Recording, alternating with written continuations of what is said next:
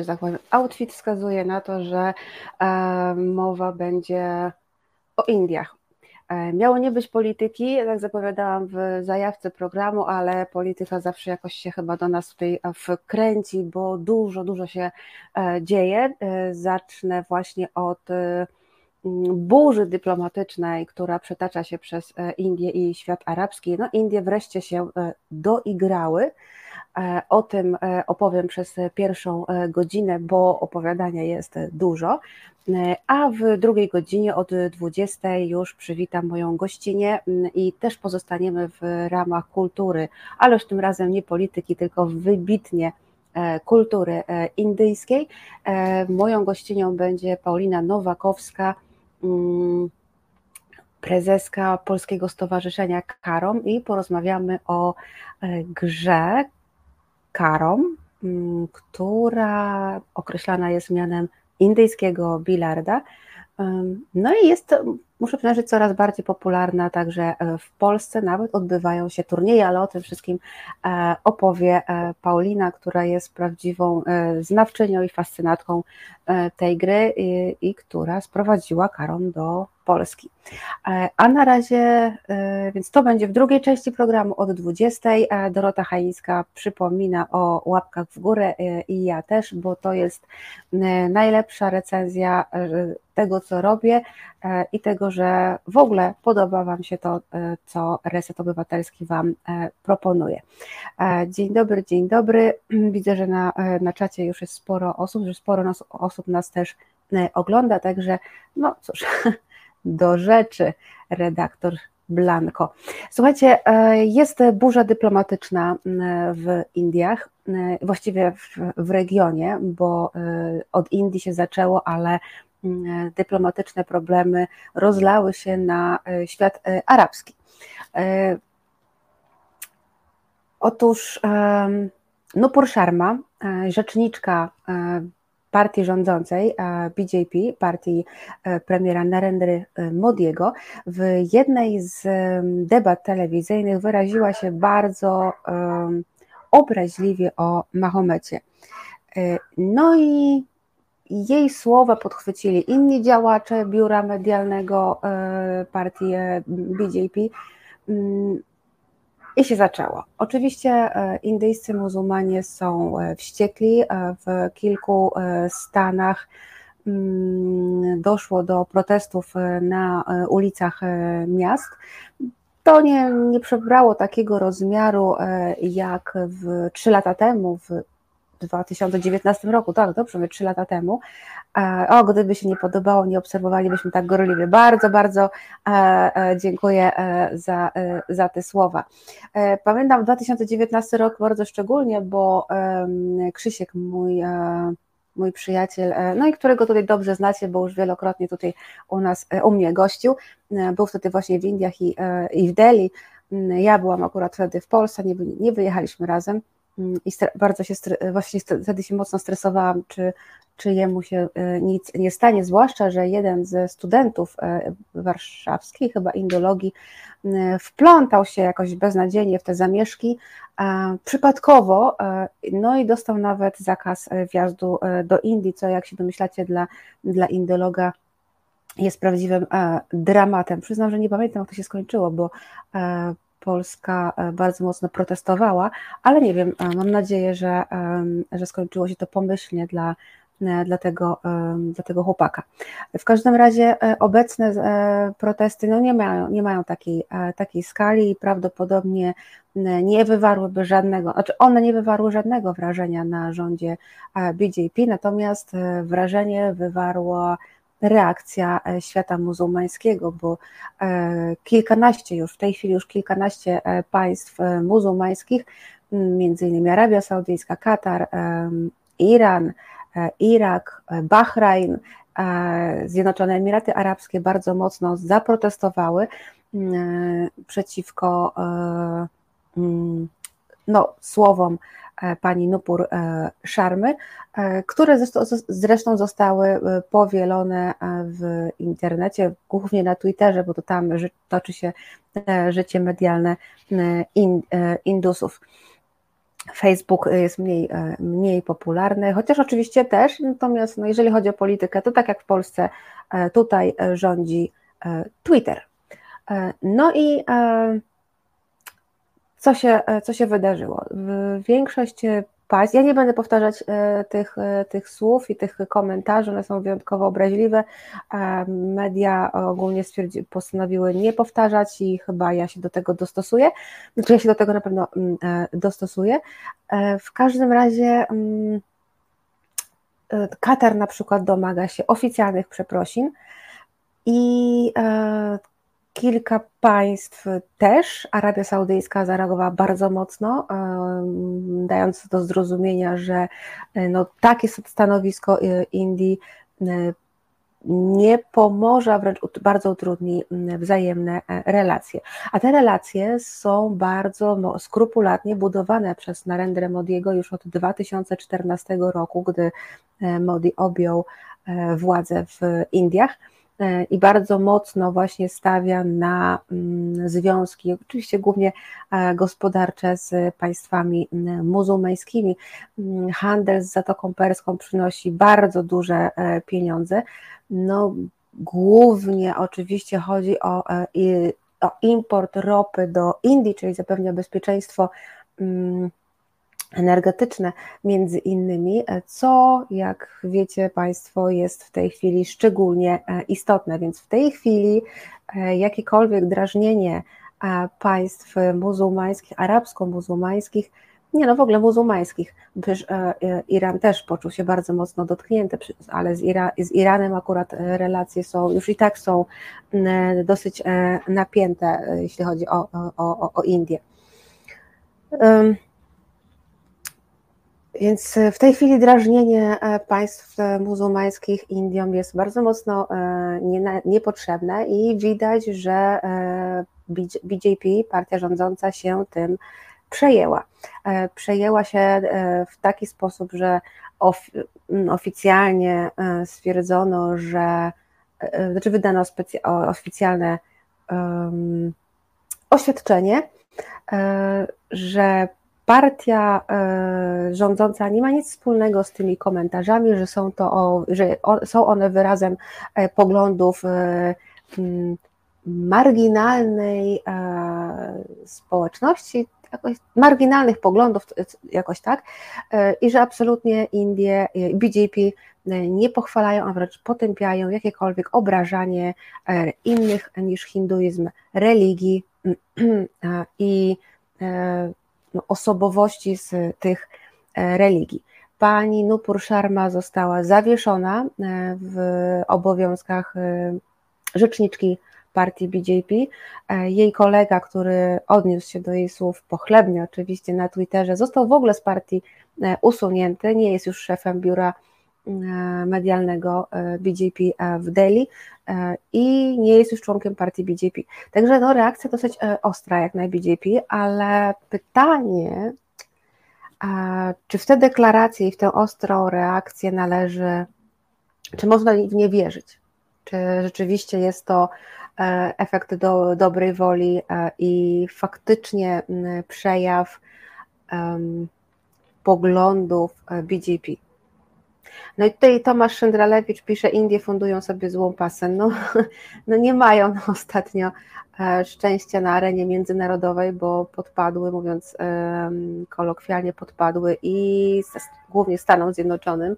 E, no, relacje się mocno pogorszyły. Podpadły e, krajom Dalekiego Wschodu, między innymi Japonii, z którą jest w jednym sojuszu, w sojuszu kład, o którym już tutaj wielokrotnie e, mówiłam, e, jako jedyna z, jedyne z czterech państw tworzących Kład Indie no jeszcze nie potępiły inwazji rosyjskiej na Ukrainę i raczej sprzy, no nie, nie sprzyjają, nie, ale mm, nie chcą odciąć się od Rosji, tak jak zrobiła to na przykład Japonia i jak robi to Australia.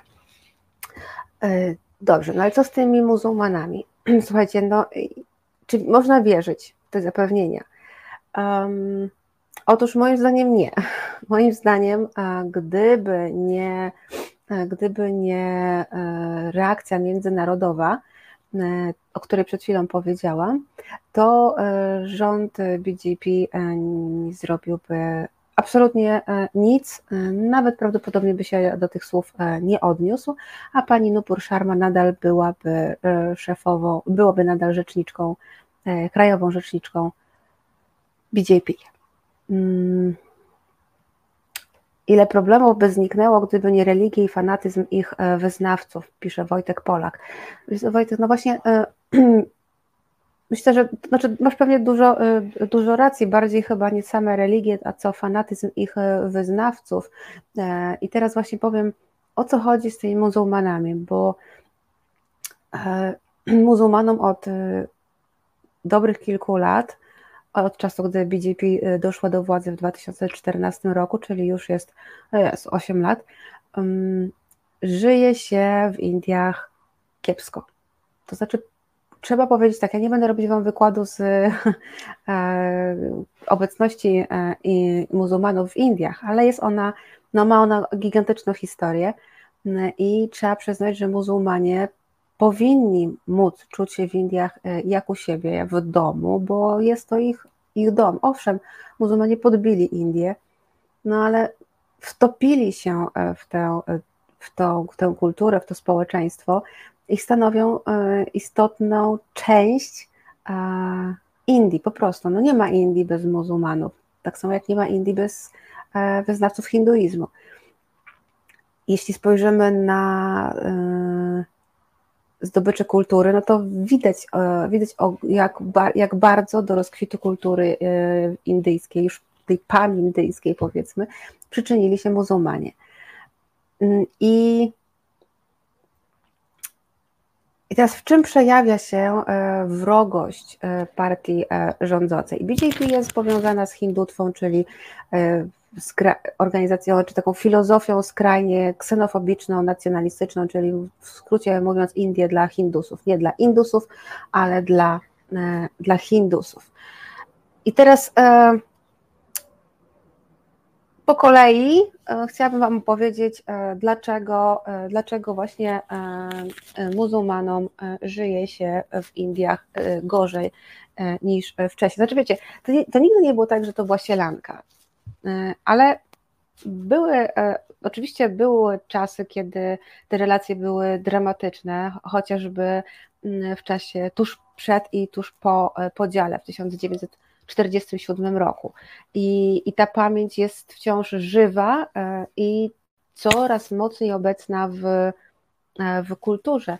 Nawet dzisiaj zaczęłam oglądać film na Netflixie, strasznie chyba słaby będzie, Thar, i tam nawet, y, chociaż odnosi się do lat 80., to i tak i tak na początku było wspomniane, że w 1947 roku Indie zostały rozdarte e, i ta trauma została. Więc w jednym zdaniu, co w ogóle jak na razie nie rzutuje na resztę filmu.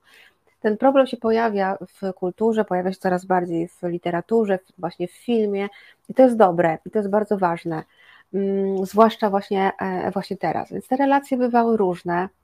Mm, no ale y, czasami wiecie, wystarczy podrzucić do meczetu łeb świni albo do y, w tej świątyni mm, hinduskiej jakiś, nie wiem, ucho krowy, żeby doprowadzić do zamieszek. I oczywiście tak jest, ale ja wielokrotnie byłam w Indiach i widziałam, że te relacje mogą być całkowicie pokojowe. Nawet kiedyś, jak uczestniczyłam w Lucknow, takim dużym święcie, bardzo ważnym święcie muzułmańskim, e, szyickim, czyli w Aszurze. Mm. Aha, no właśnie, opowiem Wam o Aszurze w tym roku, bo przecież w zeszłym roku nie mogłam, bo jeszcze nie istniała Azja Incognita, więc w tym roku Wam na pewno e, opowiem. E, więc to było ogromne święto muzułmańskie, e, połączone z przy pochodem szyitów przez znaczną część miasta. E, no i ja w pewnej chwili muszę przyznać, że e, wystraszyłam się trochę, chociaż nie należy do strachliwych, a jak zobaczyłam, że z drugiej strony nadciąga pochód e, hinduski, wyznawców hinduizmu, i co? No i spotkali się, jedni się trochę bardziej, muzułmanie się trochę bardziej mocniej pobiczowali, bo to jest, to jest święto polegające głównie na biczowaniu. I um, Hindusi troszeczkę szyb, głośniej po, po, pokrzyczeli e, tam Hare Wiśnu, Hare Ram. E, no i się rozeszli I, i, tyle, tak. Byłam w Kerali w, w czasie, gdy zbiegły się dwa bardzo ważne święta e, hinduskie dożynki, Onam, też Wam o tym opowiem koniecznie, i e, muzułmańskie, to chyba było czy to było zakończenie Ramadanu, już nie pamiętam, ale też duże święto, a nie, to było Eid al-Adha, przepraszam, e, o tym też Wam e, opowiem. Mm, I, I nic, jedni sobie świętowali, drudzy sobie świętowali, wchodzili sobie w drogę, i, znaczy wchodzili w drogę dosłownie, ale nie, nie w przenośni, tak? Także, także nie, nie było większego problemu. Mm, aczkolwiek, aczkolwiek jak nocowałam pierwszy raz w domu chrześcijańskim zresztą, e, to to było śmieszne, bo o czwartej rano obudził mnie e, Azan i, ja jestem do tego przyzwyczajona oczywiście, natomiast ten był wyjątkowo głośny, tak jakby po prostu ktoś z głośnikiem stał obok mojego łóżka. E, no i pytam potem mojego, e, mojego gospodarza, co jest, dlaczego to jest tak potwornie głośne, myślałam, że meczet jest dalej. A on mówi, że tak, że właśnie z tym walczą, że jakiś czas temu poprosili żeby, w meczecie, żeby i mama, żeby no ściszyć ten azan, bo są dzieci duże i tak dalej, no to jeszcze bardziej, podobnoż jeszcze bardziej imam kazał e, podgłosić, więc no zajęło mi 3-4 dni, żeby się przyzwyczaić, ale już potem e, po prostu zakrywałam głowę poduszką i jakoś tam e, spałam. Więc to są, więc to były takie rzeczy. Tutaj padło pytanie, kapitan Stratford, zdarzają się małżeństwa mieszane? Tak, zdarzają się, ale nie są mile widziane. I to po obu stronach akurat. Y, wynika to z tego, że już nawet nie z uprzedzeń, y, ale po prostu z, no z takiego podejścia religii, bo muzułmanie, w, w, kobieta hinduska musi przyjść, powinna przejść na, na islam, a na pewno jej dzieci będą wychowywane E, na muzułmanów, więc e, hinduskim rodzinom e, to się no, nie podoba. Z kolei dla Hindusów muzułmanie są no, no, pozakastowi, tak jak chrześcijanie, tak jak ludzie zachodu, a więc nieczyści. Jesteśmy na równi z Dalitami. Natomiast w tej chwili, temat, znaczy zawsze się zdarzało oczywiście, no wiecie, serce nie wybiera, tak? i te małżeństwa się zdarzały, natomiast teraz jest im wyjątkowo ciężko. Ja zresztą o tym zaraz opowiem, bo dojdziemy do czegoś takiego jak mm, miłosny dżihad, ale do tych obyczajowych kwestii e, zaraz, e, zaraz przejdę. Natomiast najpierw chciałabym powiedzieć o, e, o kwestiach ekonomicznych, no bo wiadomo, że jak najmocniej można uderzyć, no właśnie ekonomicznie. Czyli na przykład skąpiąc pieniędzy na tereny zamieszkałe przez, e, przez muzułmanów. E, takie enklawy, czyli Muslim Zones, e, one się tworzyły w miastach indyjskich już od czasu podziału. I, i po tym miały po prostu chronić muzułmanów, którzy nie wyemigrowali do Pakistanu przed wrogością Hindusów. I, i one spełniały to zadanie. Teraz niestety też w pewnym sensie chronią, ale nie takie jest ich przeznaczenie. Muzułmanie po prostu się zbijają w grupki, w takie getta. E, no wiadomo, że wśród swoich jest e, łatwiej e, obronić się przed ewentualną przemocą ze strony Hindusów. No to problem tylko no, na, polega na tym, że te E, te enklawy, te getta y, nie są y, tak mocno finansowane jak inne części miast. To znaczy BGP skąpi im pieniędzy e, i jest, e, no jest ciężko, po prostu ciężko, bo to są, często się robią takie po prostu slumsy i ludzie żyją niemalże w slumsach. Muzułmanom trudno jest wynająć mieszkanie lepsze. Nawet jeżeli mają trochę pieniędzy więcej, e, to ciężko jest wynająć e, mieszkania, bo e, Hindusi nie chcą im wynajmować mieszkań, więc siłą rzeczy są skazani na te getta na przykład. Oczywiście nie wszędzie, ale na przykład w Delhi, mm, mm, jak najbardziej niestety, w dużych w niektórych miastach czy mniejszych miejscowościach, jak najbardziej tak. Um, co tam dalej? Na pewno właśnie kwestia też prawa. BJP chce wprowadzić jednolity kodeks e, e, prawny. No i tutaj zaczyna się dramat. E, jest wieczna walka z part główną partią opozycyjną, czyli kongresem, bo konstytucja mm, indyjska gwarantuje wolność wyznania. W przypadku muzułmanów w przypadku muzułmanów chodzi na, na, oni zawsze mieli swoje prawo. Brytyjczycy troszeczkę to zmienili, ale mimo wszystko wiele regulacji e, prawnych e, w Indiach wciąż e, podchodzi pod prawo muzułmańskie, a nie pod prawo ogólnoindyjskie. I tutaj na przykład chodzi o kwestie obyczajowe, czyli na przykład tę kwestię triple talak, Mm, czyli e, rozwodu muzułmańskiego. To jest strasznie trudna sprawa. Kapitan Stratford pisze, nic dobrego z tego nie wyrośnie, a coś wyrośnie prędzej czy później. No niestety e, tak, ja się boję, żeby nie było jakiejś powtórki z Gudzieratu. E, w Gudzieracie, co jest bardzo istotne, słuchajcie, bo wtedy mini, prime ministrem, prime ministrem, brawo, premierem Gudzieratu był Narendra Modi. I e, wtedy doszło do ogromnych zamieszek antymuzułmańskich, krwawych bardzo, w których zginęło bardzo dużo e, ludzi. Nie pamiętam liczb, a to łatwo sobie sprawdzić. Tam były po prostu dosłownie palone e, domy, sklepy muzułmańskie.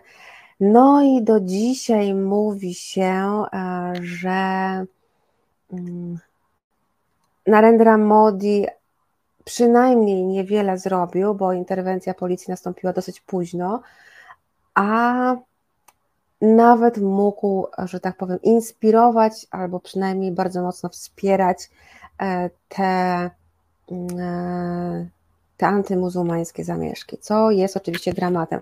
Wojtek Polak, jak reagują sąsiednie państwa islamskie na dyskryminację muzułmanów w Indiach, na przykład e, Pakistan. Zaraz o tym powiem, e, bo łączy się to z tym, co się teraz e, wydarzyło, więc jeszcze chwilkę e, i o tym opowiem. No więc tak, więc boję się, że będzie powtórka z Gudzieratu i, i niestety może do tego dojść. No ale wracając, triple talak, tak się w Indiach określa rozwód muzułmański. No i to jest oczywiście wyjątkowe paskudztwo. Chodzi o Muszę w skrócie powiedzieć, bo już widzę, że się rozgadałam. E, chodzi oczywiście o to, że e, muzułmanin e, może wypowiedzieć po trzy razy formułkę rozwodzę się z tobą, rozwód po arabsku i w urdu to jest talak. Zresztą też w, po bengalsku jest talak, ten muzułmański rozwód, bo bichhedo to jest rozwód hinduski. Y, może powiedzieć trzy razy formułkę rozwodzę się z tobą i już jest rozwiedziony. I teraz tak, po pierwszej i nawet po drugim wypowiedzeniu słowa rozwodzę się z tobą, y, jeszcze może to odwołać i małżeństwo y, nadal um, obowiązuje, trwa. Po trzecim już jest koniec. Potem trzeba, kobieta dopiero może wyjść za mąż i się rozwieść i dopiero znowu ewentualnie wyjść za męża, który stwierdzi, że kurczaki, zrobiłem błąd, to była fajna, e, fajna kobieta i świetna żona. Mm, no i teraz chodzi o to, że ten triple talak e, nie wywodzi się z Koranu. W ogóle w Koranie nie ma czegoś takiego. I w większości państw muzułmańskich, nawet w tak radykalnym e, państwie jak Arabia Saudyjska, czy w sąsiednim w stosunku do Indii, Bangladeszu, też muzułmańskim państwie, jest po prostu zakazany prawem. To nie funkcjonuje. E, w Indiach jak najbardziej funkcjonuje mm, i przyjmuje bardzo upokarzające dla kobiet formuły, bo e, na przykład e, mężczyźni wysyłają żonie informacje talak, talak, talak e, przez Whatsappa, przez SMS-a, listem. Była taka głośna historia w mediach opisywana, że kobieta dostała taki list, będąc w odwiedzinach u swoich rodziców. Jak wróciła do domu męża, to została zamknięte drzwi. I mogło się nawet dostać do dzieci. Więc to jest upokarzające i to powinno zostać zmienione.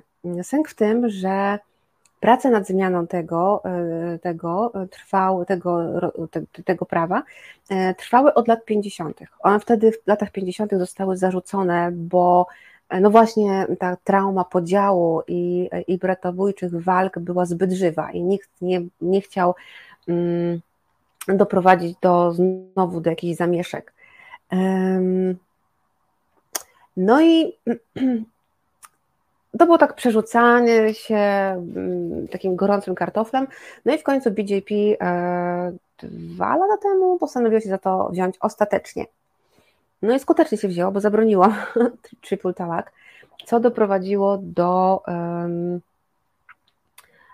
dużych zamieszek. Na ulicę wyszły, co ciekawe, kobiety, bo E, muzułmanki, e, bo one po prostu nie uwierzyły, że to rzeczywiście jest troska BJP o e, ich, ich status i ich prawo. No oczywiście mm, BJP chce, żeby kobiety rozwodzi, muzułmanki rozwodziły się na zasadzie ogólnym, czyli um, tym, co proponuje dla hindusek. E, to jest korzystne, choćby ze względu na utrzymanie, bo e, muzułmanie wypłacają um, alimenty kobietom tylko do, przez trzy miesiące, a potem radź sobie sama. E, a w rozwodzie tym hinduskim, obowiązującym dla innych religii, także dla chrześcijan, dla dżinistów, dla buddystów, um, E, alimenty są wypłacane e, albo do końca życia kobiety, albo do jej e, powtórnego zamąż pójścia. Czyli najczęściej do końca życia. Mm, no i teraz muzułmanki po prostu i muzułmanie nie uwierzyli, że to jest kwestia mm, troski o dobro kobiet, biorąc pod uwagę fakt, że BJP z troski o kobiety nie słynie, bo to się tak ciekawie nałożyło z tą, z tą historią świątyni mm, w Kerali. Może pamiętacie taką historię, przepraszam, że się dzisiaj tak strasznie kręcę. Mm, boli mi kostka, wczoraj myślałam, no sobie trochę uszkodziłam na treningu. I um, taką świątynię w Kerali, gdzie sąd e, indyjski do, pozwolił, żeby wreszcie mogły tam wejść kobiety w wieku rozrodczym. I kto najgłośniej krzyczał, że to jest łamanie tradycji hinduskiej? No kto, kto, kto? No BJP, proszę Państwa, BJP. Um, BJP uh, robi jakieś, pozoruje jakieś ruchy pro-kobiece, ale to jest wszystko, przepraszam bardzo, ale pić na wodę.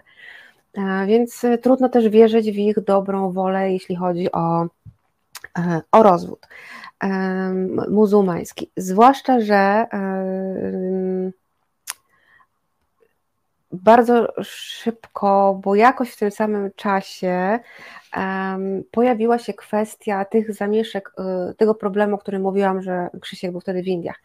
Otóż indyjski rząd e, wpadł na pomysł, że e, zreformuje kwestię przyznawania obywatelstwa w Indiach. Hmm. Chodziło o to, że y, prawo o obywatelstwo szybciej niż dotychczas, czyli chyba tam w 3 lata, a nie w 20, mogą się starać przedstawiciele dyskryminowanych w innych państwach mniejszości z takich religii jak, uwaga, chrześcijanie, dżiniści, buddyści, parsowie, sikhowie, no i oczywiście e, wyznawcy hinduizmu.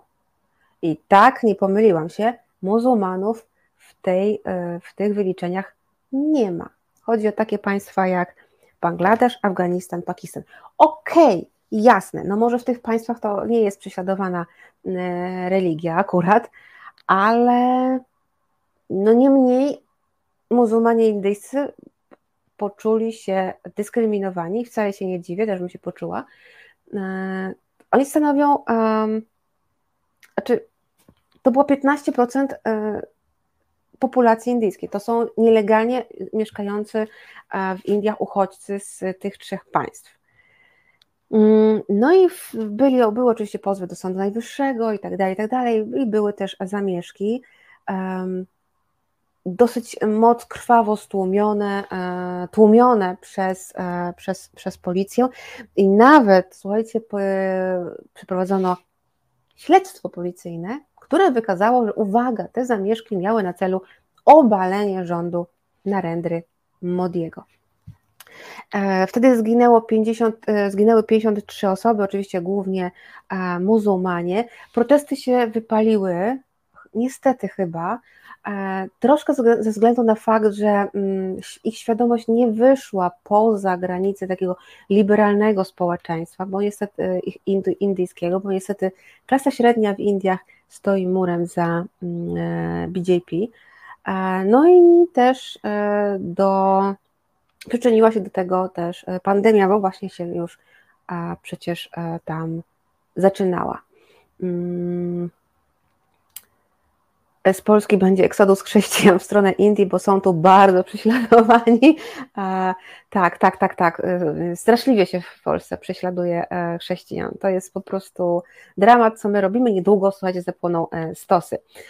No dobrze, Kolejna kwestia to jest e, redefinicja historii, ale o tym opowiem po przerwie teraz e, kilka minut na, na muzykę.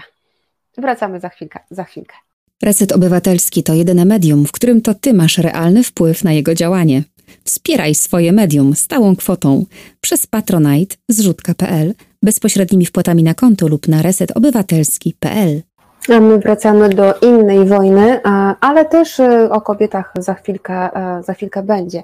Ale na razie e, do, wracamy do kwestii, którą zapowiedziałam przed, przed przerwą, czyli takiej redefinicji historii, którą prowadzi rząd Narendry Modiego e, i partia, rządząca partia BJP. O co chodzi? Otóż nieco ahistorycznie BJP traktuje E, muzułmanów i kulturę muzułmańską jako tkankę obcą, jako aberrację w historii Indii. E, no a jeżeli jest to element obcy, no to należy go e, wyrugować. I na przykład zmienia się nazwy lotnisk, zmienia się nazwy ulic, zmienia się nazwy miejscowości. Takim największym kuriozum jest miasto Allahabad,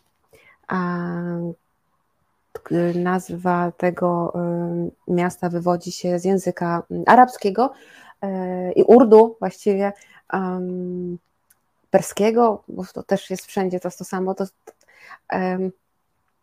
i oczywiście oznacza dokładnie siedzibę Boga, Allah, Allah Bóg, e, Bad, siedziba. E, miasto Boga, można tak powiedzieć, miasto Boga. No ale oczywiście wiadomo, że chodzi o miasto, o Boga e, muzułmańskiego. E, oczywiście był zgrzyt, e, no ale tak chyba jest wszędzie w krajach wieloreligijnych i wieloetnicznych, bo w Allahabadzie, czyli tym mieście, które kojarzyło się z, z cesarzem Akbarem XVI, jednym z najwybitniejszych wybitniejszych przedstawicieli um, wielkich Mogołów i kultury muzułmańskiej, e, słynnym cesarzem e, Akbarem XVI. E, I chodzi o to, że Allahabad jest jednym z czterech miast, w którym odbywa się jedno z najważniejszych świąt hinduskich, czyli Kumbh Hamela. No, taki zgrzyt, no ale tak jak powiedziałam, no tak się dzieje w miastach um, wieloetnicznych. Boże, muszę przyspieszyć, bo zagadałam się. E, nie powiem Wam wszystkiego, a chcę. To, to miasto już się nie nazywa Allahabad, nazywa się Prayagrać, e, czyli typowo e, hinduska nazwa, więc wszystko to, co ma w sobie nazwę odnoszącą się do kultury arabskiej, muzułmańskiej, jest, e, jest zmieniane na nazwy, które kojarzą się z kulturą hinduską i wywodzi się z języków e, hinduskich, indyjskich, boże, hinduskich, e, stricte indyjskich. E, sanskryt, hindi i tak dalej, i tak dalej. No i co dalej? Lotniska, ulice, miasta, to wszystko, to wszystko się zmienia. Oczywiście to się dzieje też w, to się działo już wcześniej, bo na przykład Kalkuta jest Kalkotą, y, Kolkatą, e, Madras stał się Ciennajem, ale to chodziło wtedy o odcięcie się od dziedzictwa y, brytyjskiego, e, dziedzictwa kolonialnego, czyli rzeczywiście obcej tkanki, nie da się ukryć. No dobra, ale teraz jeszcze chodzi o, idziemy dalej, bo to nie wystarczy. Um, trzeba um, trzeba coś zrobić z dziedzictwem materialnym. Mm, czyli na przykład skąpi się pieniądze na utrzymanie zabytków muzułmańskich. To doprowadzi do takich sytuacji jak w Lucknow, gdzie po prostu płakałam rzewnymi łzami. Zawsze, zawsze, zawsze, zawsze w Lucknow płaczę, jak widzę te przecudowne, przecudowne budynki pomuzułmańskie, które po prostu e, no, niszczeją. One się osypują, one są pokryte jakąś warstwą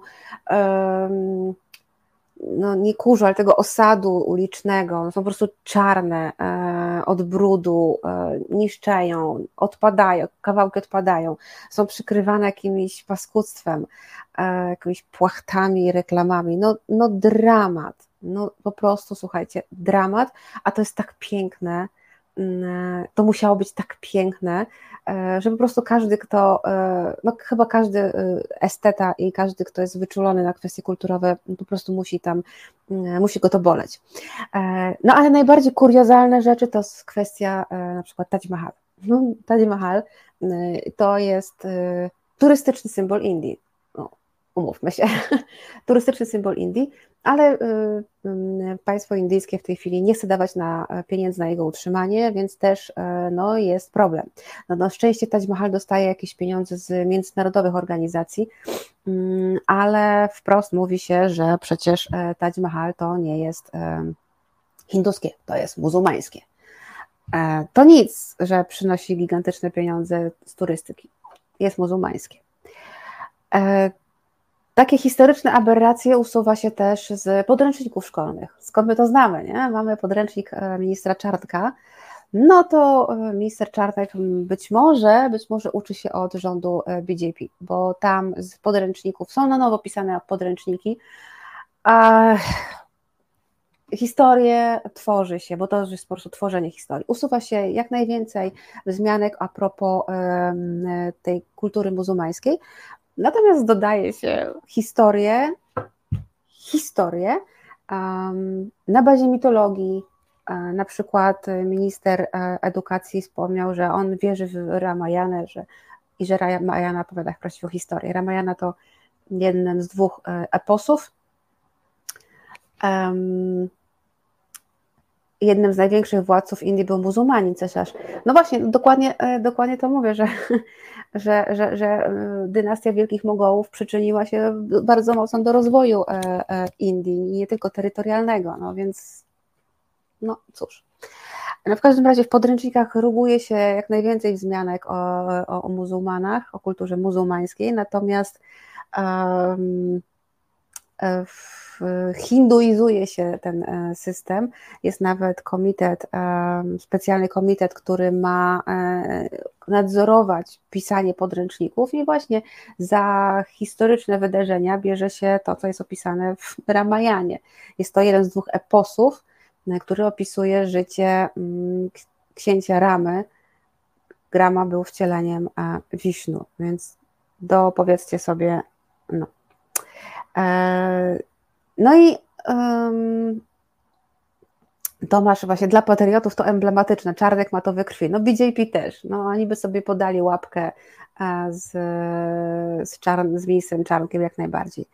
No i teraz to, co mówiłam o kobietach. Hmm.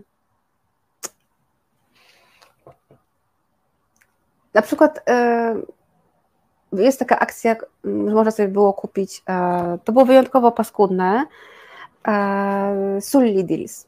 E, powstała platforma na e, Księżniczka i Cesarz, fajny film, no właśnie o cesarzu Akbarze, no. z Szarukiem, jejku, jeden z pierwszych filmów, które obejrzałam jeszcze zanim poszłam na studia ideologiczne. Mm, tak, ale fajny, polecam. E, można sobie obejrzeć, jak człowiek potrzebuje e, wytchnienia. E, no dobra, ale właśnie teraz co z tymi kobietami, muzułmankami? No dramat, bo powstała platforma kilka miesięcy temu, Sulli Deals. Sulli to jest obraźliwe określenie muzułmanek indyjskich. Mm, no i tam na aukcji wystawione były kobiety. Można sobie było kupić muzułmankę. Niestety były to prawdziwe kobiety. Mm, kradzione konta, kradzione fotografie, kradzione e, dane e, działaczek muzułmańskich, na przykład feministycznych oczywiście, mm, z Indii i Pakistanu. I można było sobie, można było sobie taką kobietę kupić. Wiecie, że jeszcze na dodatek te, ta aukcja, bo to były aukcje, była przeprowadzona w trakcie święta Id, mm, jednego z najważniejszych świąt e, muzułmańskich. No i oczywiście w końcu kobiety dowiadywały się przypadkowo, że zostały wystawione na aukcji. Na przykład jedna pisała, że jakaś prawniczka pisała, że znajomy powiedział, e, słuchaj, e, pokazał jej telefon, mówi, słuchaj, patrz, jesteś na aukcji, wystawiona. No to jest wyjątkowo poniżające dla każdej kobiety, ale dla muzułmanki e, z, z, przede wszystkim. E, jakoś później, po zamknięciu tej platformy, powstała inna, Bullibaj, mm, też podobna, e, też można było kupić sobie mm, też można było e, kupić sobie właśnie muzułmankę, ale tutaj przynajmniej policja zadziałała, bo rzeczywiście e, twórcy tej, tej platformy zostali aresztowani. Co ciekawe, jednym z tych twórców, jedną z twórczyń była kobieta. Więc widać, że to nie jest kwestia uprzedzeń wobec kobiet, które w Indiach niestety są głęboko zakorzenione, ale uprzedzeń wobec muzułmanek. No i tutaj o tych małżeństwach. Słuchajcie, kobiety mm, są także wmieszane, tutaj już e, hinduskie kobiety, są wmieszane w coś, co się nazywa e, love jihad, czyli jihad miłosny. No po prostu paranoja, po prostu paranoja. Otóż pojawiła się koncepcja, E, że e, muzułmańscy mężczyźni rozkochują w sobie hinduski, e, podstępem doprowadzają je do małżeństwa i zmuszają do przejścia na islam, czyli miłosny dżihad. No dramat. I element, na pewno element kampanii przeciwko małżeństwom mieszanym, które w 2020 roku, którą w 2020 roku rozpoczął Narendra Modi.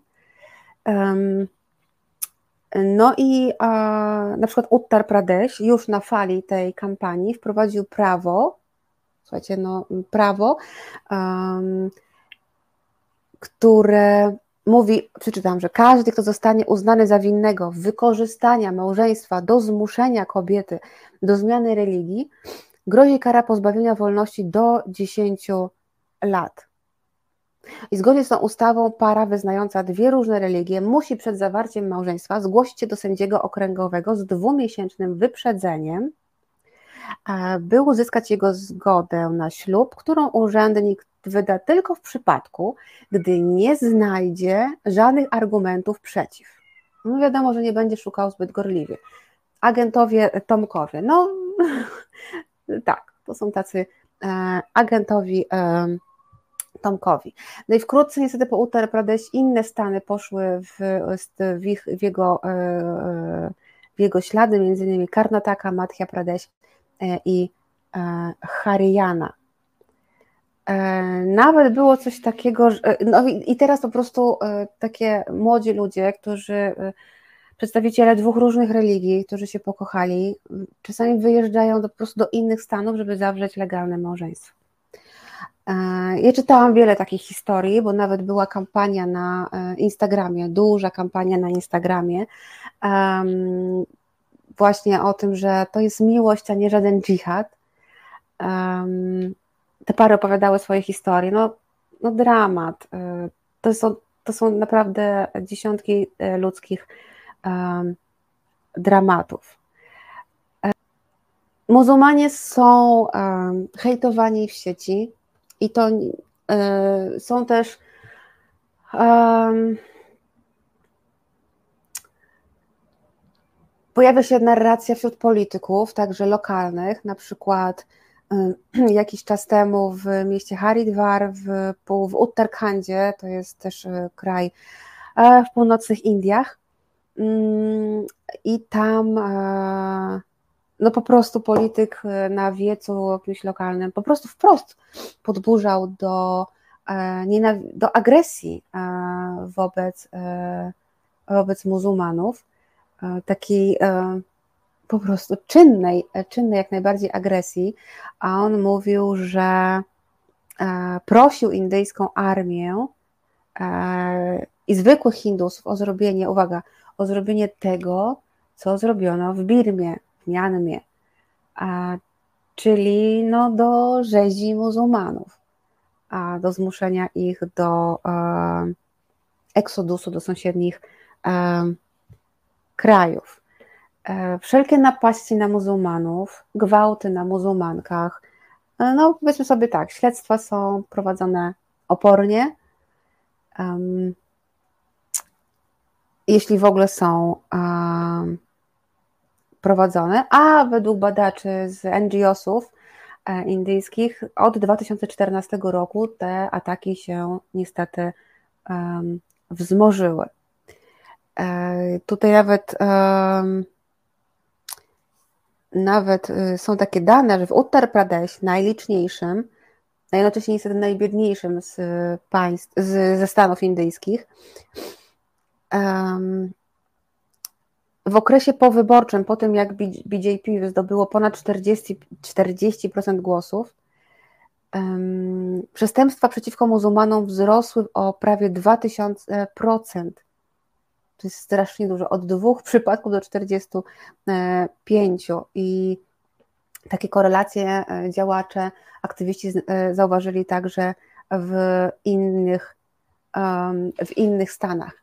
No i teraz tak, e, było pytanie o reakcję państw muzułmańskich. Ona, ona była znikoma. Myślę, że wszyscy jednak myśleli bardziej o relacjach gospodarczych ekonomicznych, a to, to zamiatano pod dywan, no taka wiecie, wewnętrzna sprawa Indii i te sprawy, może też nie chciano tego dostrzec. Oczywiście Pakistan protestował, no ale wiemy, jakie relacje łączą um, Indię z, z Pakistanem. E, delikatnie mówiąc, nie są e, przyjazne, i, więc BJP tym, co mówi Pakistan, rząd w Pakistanie, delikatnie mówiąc, się nie przejmuje. Mm, teraz natomiast ta reakcja e, jest bardzo ostra, mm, no ale też dotyczy już nie samego traktowania e, muzułmanów, e, tylko ataku na samo jądro, samą religię. I co więcej, na najważniejszą postać tej religii, czyli Mahometa. I tu już no, reakcja po prostu po prostu musiała być e, ostra. Czy, e, czy to doprowadzi do jakichś e, zerwanych więzi gospodarczych, ekonomicznych? No ja nie sądzę. Myślę, że będzie burza przez jeszcze przez kilka, może kilkanaście dni, ale z czasem no rozsądek. Hmm, rozsądek zwycięży. Tomasz Szyndralewicz, te ślimacze śledztwa z tłem politycznym to epidemia, pandemia, wirus, szczepionki, to na to WHO. E, ale nie, nie, nie, nie wiem. Nie, ślimacze śledztwa, nie, no słuchajcie, no policja indyjska to jest w ogóle temat na oddzielną, na oddzielny temat. E, no nie cieszy się, powiedzmy sobie, nie cieszy się e, uznaniem E, w Indiach e, społecznym, e, bo jest przekupna. No, korupcja, jeśli wśród, mm, wśród policji to jest jeden z największych problemów współczesnych Indii. Mm, jest brutalna, bardzo brutalna, jest stronnicza przede wszystkim. Więc jeśli podejrzanym jest, znaczy jeśli ofiarą, przepraszam, jeśli ofiarą jest muzułmanin albo muzułmanka, no to śledztwo będzie prowadzone wolno, po prostu. E, niestety, taka jest prawda. To samo dotyczy kobiet. E, policja indyjska e, wciąż ma, ma problem z śledztwami w sprawie na przykład przestępstw wobec kobiet. W Indiach jest jedna policja, czy każdy stan ma swoją? Nie no, jest, jest mm, jak to się mówi, komenda, komenda generalna e, ogólnopaństwowa, ale oczywiście każdy stan e, ma swoją strukturę. Jak najbardziej. E, no i też oczywiście wiadomo, zależy wiele od stanu i właśnie w tych biedniejszych stanach powiedzmy sobie troszkę bardziej zacofanych, no policja będzie miała większą władzę i, mniejsz, i mniejszą kontrolę e, społeczną. E, tak to się mniej więcej niestety przedstawia. No, teoretycznie jest lepiej niż jeszcze kilka lat temu, ale żeby zreformować indyjską policję, mm, no to Lech Szestowicki, skąd my to znamy? Hmm, no, ja mówiłam, że Indie są bardzo podobne do Polski albo Polska do Indii. Okej, okay, to na tyle, jeśli chodzi o kwestię mm, muzułmanów e, w Indiach. Nie jest e, dobrze i zapewne będzie e, gorzej, bo raczej nie ma szans na, na to, żeby BJP zostało od władzy um, odsunięte. E, zbyt szybko. Na pewno nie sądzę, żeby nastąpiło w następnych e, wyborach. Oczywiście nie wszędzie, e, nie w każdym stanie sprawują władzę, bo w moim kochanym Bengalu Zachodnim oczywiście rządzi Trinamool Kongres obecnie. BJP nigdy tam nie rządziło. W ostatnich wyborach stanowych też BJP dostało mocno po tyłku w, mm, w, w Pendżabie na przykład. No, także tyle, e, jeśli chodzi o tę część e, dzisiejszego programu. E, teraz krótka przerwa na muzykę, oddech, picie dla mnie, bo jeszcze na dodatek w poprzedniej pracy w niedzielę, w niedzielę tak, wydawca dał mi popalić i musiałam gadać długo, więc mam więc dużo pić, żeby nawilżyć gardło. No, w każdym razie. Mm, Damianie, pozdrawiam Cię e, czule, bo może dzisiaj oglądasz. E, także e, teraz robimy sobie krótką przerwę na muzykę i zaraz wracamy i już z moją gościnią i porozmawiamy już wyłącznie o kulturze, o żadnej dyplomacji i żadnej polityki. Na dzisiaj z tym kończymy. Reset Obywatelski nie boi się trudnych pytań, dlatego warto nas wspierać. Zrób to tak jak lubisz. Przelew, zrzutka, patronite lub przez naszą stronę resetobywatelski.pl. Do czwartku jeszcze chwila, my jesteśmy na razie przy wtorku, i, a, a jak wtorek to e, Azja Inkognita w Resecie Obywatelskim, a ja już teraz witam moją gościnę, Paulinę Nowakowską. Namaskar, Paulina. Paulina jest e, moją siostrą e, w bengalistyce, skończyłyśmy tę samą specjalizację, więc mogę jej mówić Namaskar. Dzień dobry. Dzień dobry, Namaskar. Kemonacie to mi. A, nawet całkiem dobrze. Dzisiaj, bo Cię widzę, mam się dobrze, bo cię, bo, cię, e, bo cię widzę i będziemy rozmawiać o, e, o Karomie. E, Paulina Nowakowska jest prezeską Polskiego Stowarzyszenia Karom. Widzę tutaj, o dzień dobry, dzień dobry, dzień dobry, mówi, mówią nasi widzowie. Paulina, bardzo wiele gier wbrew pozorom pochodzi z Indii, ale jeśli coś o tym Polacy wiedzą, no to kojarzą to raczej z szachami. A tymczasem e, Chińczyk, który wcale nie jest Chińczykiem, tylko jest Indusem, e, no i właśnie karom. Czy możesz nam przybliżyć, e, czym jest karom? Karom to jest odmiana gry bilardowej czasami zwany y, indyjskim bilardem, właśnie dlatego, że najwięcej ludzi tak naprawdę na świecie y, gra w karom właśnie w Indiach, ale karom zwany jest również snookerem palcami, czyli po angielsku trochę ładniej brzmi finger snooker. Chodzi o to, y, że mm, mamy planszę. Plansza jest y, mniej więcej metr na metr, y, jest kwadratowa, jest drewniana, ma bandy i ma cztery łzy. Za chwileczkę, o właśnie, tu widać jak plansza wygląda. Gramy w karom w dwie albo w cztery osoby. Tutaj akurat widać, że są dwie osoby. Mamy na planszy krążki białe i krążki czarne.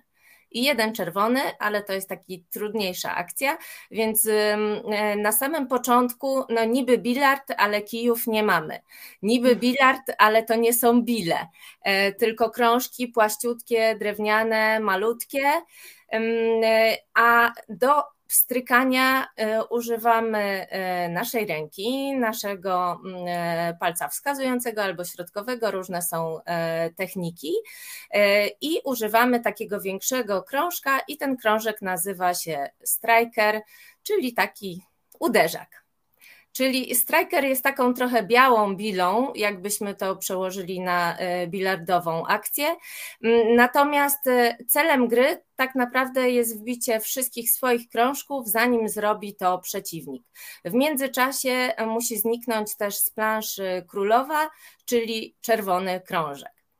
E, snooker dlatego, że właśnie z tą królową jest taka trochę snookerowa akcja, ponieważ po wbiciu krążka czerwonego królowej e, musimy wbić krążek swojego koloru, czyli musi być taka sekwencja. No to liczenie punktów, bo y, tego jeszcze mm, nie powiedziałam. E, liczymy punkty w ten sposób, że patrzymy, ile krążków przeciwnika zostało na planszy. Za każdy taki e, krążek dostajemy po jednym punkcie, i jeśli ta sama osoba, która wbiła jako pierwsza wszystkie swoje krążki, wbiła również królową, ma dodatkowe trzy punkty.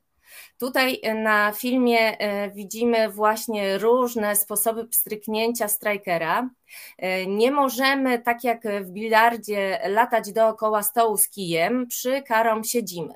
Ale to mhm. wcale nie znaczy, że to jest taki sport totalnie bezwysiłkowy, bo jak gramy po, po 9 godzin dziennie na turnieju, no to łydki bolą, bo na krześle możemy się poruszać, w sensie w ramach tego krzesła, więc żeby z niego nie spaść, no to często wykorzystujemy nasze nogi i łydki naprawdę pracują. Ja po pierwszym swoim turnieju miałam po prostu zakwasy, zakwasy w łydkach, więc to tak z grubsza, bo szczegółów jest wiele.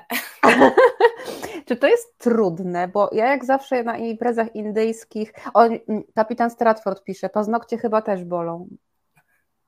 Żeby nie bolały, trzeba e, odpowiednio pstrykać, czyli nie można tego robić z dużej odległości. Tak jak kiedyś grało się w kapsle, no to można tak było troszeczkę dalej być od tego kapsla ze swoim paznokciem. W karam musimy być bardzo e, blisko, bo po pierwsze chodzi o to, żeby było super celnie, a po drugie chodzi o to, żeby nas nic nie bolało, bo karam mhm.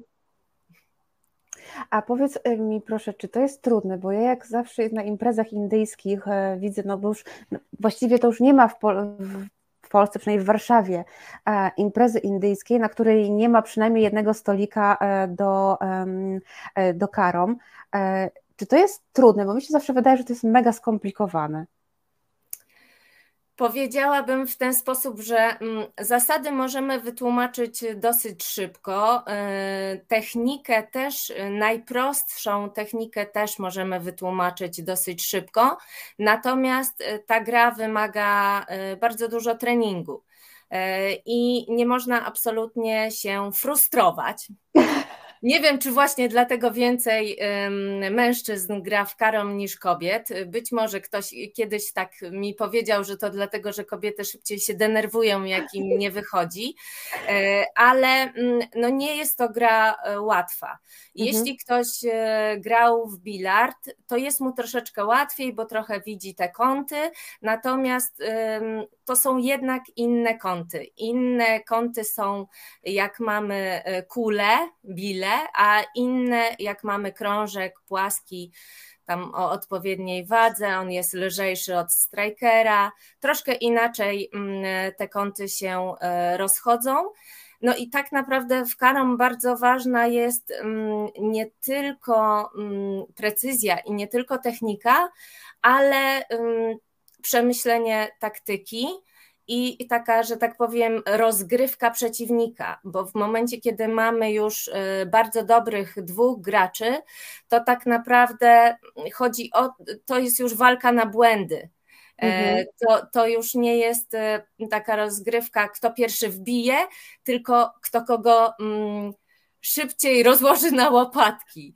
Może w ten sposób i kto opanuje nerwy, bo nerwy są ogromne, a w momencie, kiedy mm, to nasza ręka jest tym, że tak powiem, e, wytwórcą tego ruchu, to każde e, e, potrząchnięcie ręką z nerwów no, kończy się tym, że jest no, taki kiks i, i okropnie głupio czasami, jak najlepszym graczom zdarzają się na ostatnim krążku drżące ręce i wygrywa przeciwnik. No ale to jest sport. Jeśli chodzi o szachy, to znamy mniej więcej korzenie tej gry. Przy Chińczyku, który tak naprawdę nazywa się Ludo, też wiemy. A jak to jest z karą? Czy wiemy skąd się wywodzi ta gra? Korzenie są niejasne. Tak naprawdę uważa się, że prawdopodobnie e, podobne gry rozwijały się w różnych e, częściach świata. E, niektórzy uważają, że to była Etiopia, ale nie ma, nie ma tak naprawdę pewnych źródeł. Mhm. Oznaki karom w Indiach to jest XVIII wiek. Mm, I tak naprawdę mm, no w tym momencie, jakby obserwując rozwój karom, i, i tego, gdzie jest najwięcej graczy, no to jednak y, Indie, Sri Lanka, Malezja, więc śmiem twierdzić, ale to nie jest potwierdzone, że to jest jednak raczej azjatycka gra, chociażby to, że ten, kto zaczyna y, grę, ma zawsze krążki białe, to trochę tak jak w szachach. Mhm. E, gra się w momencie, kiedy gramy w cztery osoby, gra się przeciwnie do ruchu wskazówek zegara i to też niektóre indyjskie e, gry, tak jak Pacisi, one też miały, że tak powiem, granie przeciwnie do ruchu wskazówek zegara. No to jest taka moja misja, może kiedyś to spełnię, bardzo bym chciała mm, dokopać się e, do tego, jakie rzeczywiście są korzenie e, karom i, i to by było mm, coś wspaniałego, a jak nie ja, to może dzięki temu, że jestem u ciebie, może jakiś indolog by się za to wziął, bo, bo, bo trzeba to w końcu zrobić. A apelujemy do indologów żeby się e, za to, e, za to wzięli. Kapitan Stratford trochę wyprzedził moje pytanie, pyta gra plepsu czy elit, a ja właśnie chciałam zapytać, jaki status też makaron w Indiach. No, teraz w innej redakcji, dosłownie w zeszłym tygodniu szukałam zdjęć, miałam, miałam opowiedzieć o tam dzieciach, z okazji Dnia Dziecka, o dzieciach w Indiach, no i szukaliśmy w przekazach nam Reutera właśnie Indie, India Children, i co nam się w pierwsze no, wpadło? Dzieci grające w karom. Ja też sama jak chodzę po Indiach, przecież wiadomo, to też wszędzie widzę te plansze. Powiedz proszę, jaki jest status e, tej gry? Czy jest bardzo popularny? I właśnie, kto gra? Czy to są właśnie, wywodzi się z elit, e, czy raczej z tych niższych warstw społecznych? Myślę, że ten XVIII wiek, y, kiedy mamy ślady karom w Indiach i, i jedna mm, szklana plansza zachowana jest w y, Patiali, to prawdopodobnie na początku to była y, gra elit.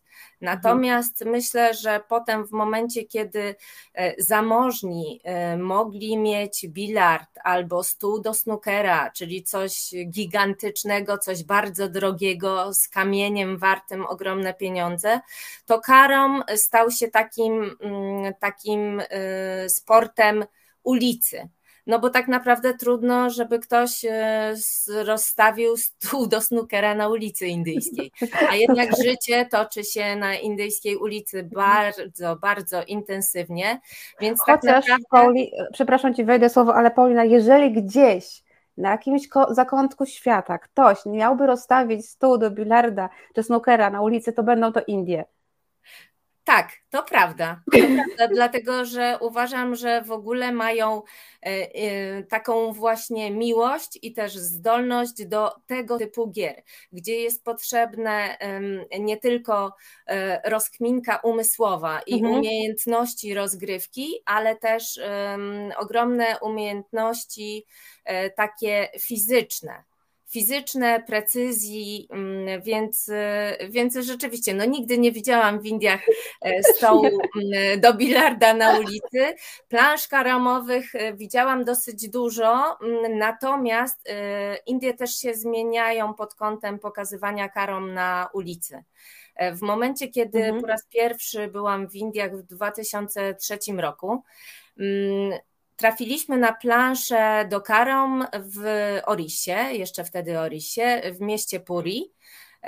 Właśnie zerknęłam, żeby sobie przypomnieć, hotel nazywał się Pink House, Pink House Hotel. Powiem tak, nie wiem, czy on istnieje, ale wtedy był strasznie obskurny.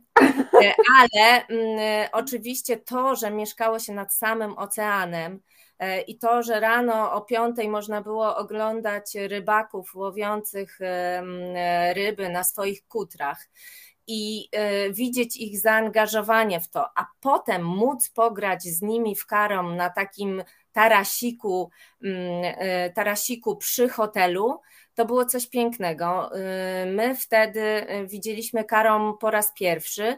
Mówię my, bo to były czasy studenckie. Ja wtedy ze swoim przyszłym mężem postanowiłam wyjechać do Indii. Bardzo nie chciał, no ale się zgodził. Co prawda, potem 10 lat miał dosyć Indii, w przeciwieństwie do mnie, ale już z Indiami się przeprosił mm, i jeździmy wspólnie na turnieje. E, mamy ogromnie dużo znajomych w Indiach i takich karamowych, i takich innych. E, natomiast chciałabym wrócić do tematu karom na ulicy. Tak, tak. W momencie, kiedy byliśmy w Indiach, powiedzmy mm, z 6 lat temu, poszukiwaliśmy mm, w Mumbai na kolabie klubu karom. E, nasi znajomi karomowi gracze z Mumbai powiedzieli: tam idźcie w lewo, w prawo, na wprost, za tym zakrętem i tak dalej, przy bazarku. Za nic nie mogliśmy tam e, trafić, więc w końcu po prostu ja mówię: nie, no ktoś musi wiedzieć, gdzie, e, gdzie ten klub może mm, być. I rzeczywiście, że tak powiem, wręczyliśmy parę rupii i no za tak. tę drobną opłatę zostaliśmy doprowadzeni. E, nie umieliśmy za bardzo potem stamtąd wrócić, bo to było właśnie w lewo, w prawo, w lewo, w prawo, zakręt. E, I to był jeden z najfajniejszych klubów karom, którego właścicielką jest kobieta i z którą przyjaźnię się do dzisiaj. Mm, może mnie słucha, ogromne pozdrowienia dla niej. E, odwiedzamy ją, jak tylko jesteśmy w Mumbai i to jest e, mały klub karom, to jest 4-5 e, plansz maksymalnie, ale plansze najlepszej jakości, w sensie e, nie krzywe, odpowiedniej firmy, że tak powiem, profesjonalne. Mhm. Mm, I tam grają w karom zarówno osoby, które są bardzo biedne, mhm. jak i prawnicy, którzy po prostu wrócili z biura, e, przebrali się i przyszli wieczorową porą pograć w karom. Więc jest absolutna e, mieszanka. Natomiast myślę, że w związku z tym, że karom jest, e, jest taka najprostsza plansza, jest to tani temat, no to jest dostępna właściwie dla każdego w Indiach. Każdy może sobie pozwolić na, mm, może nie najlepszej jakości, ale mhm. każdy może sobie pozwolić na planszę e, do karom.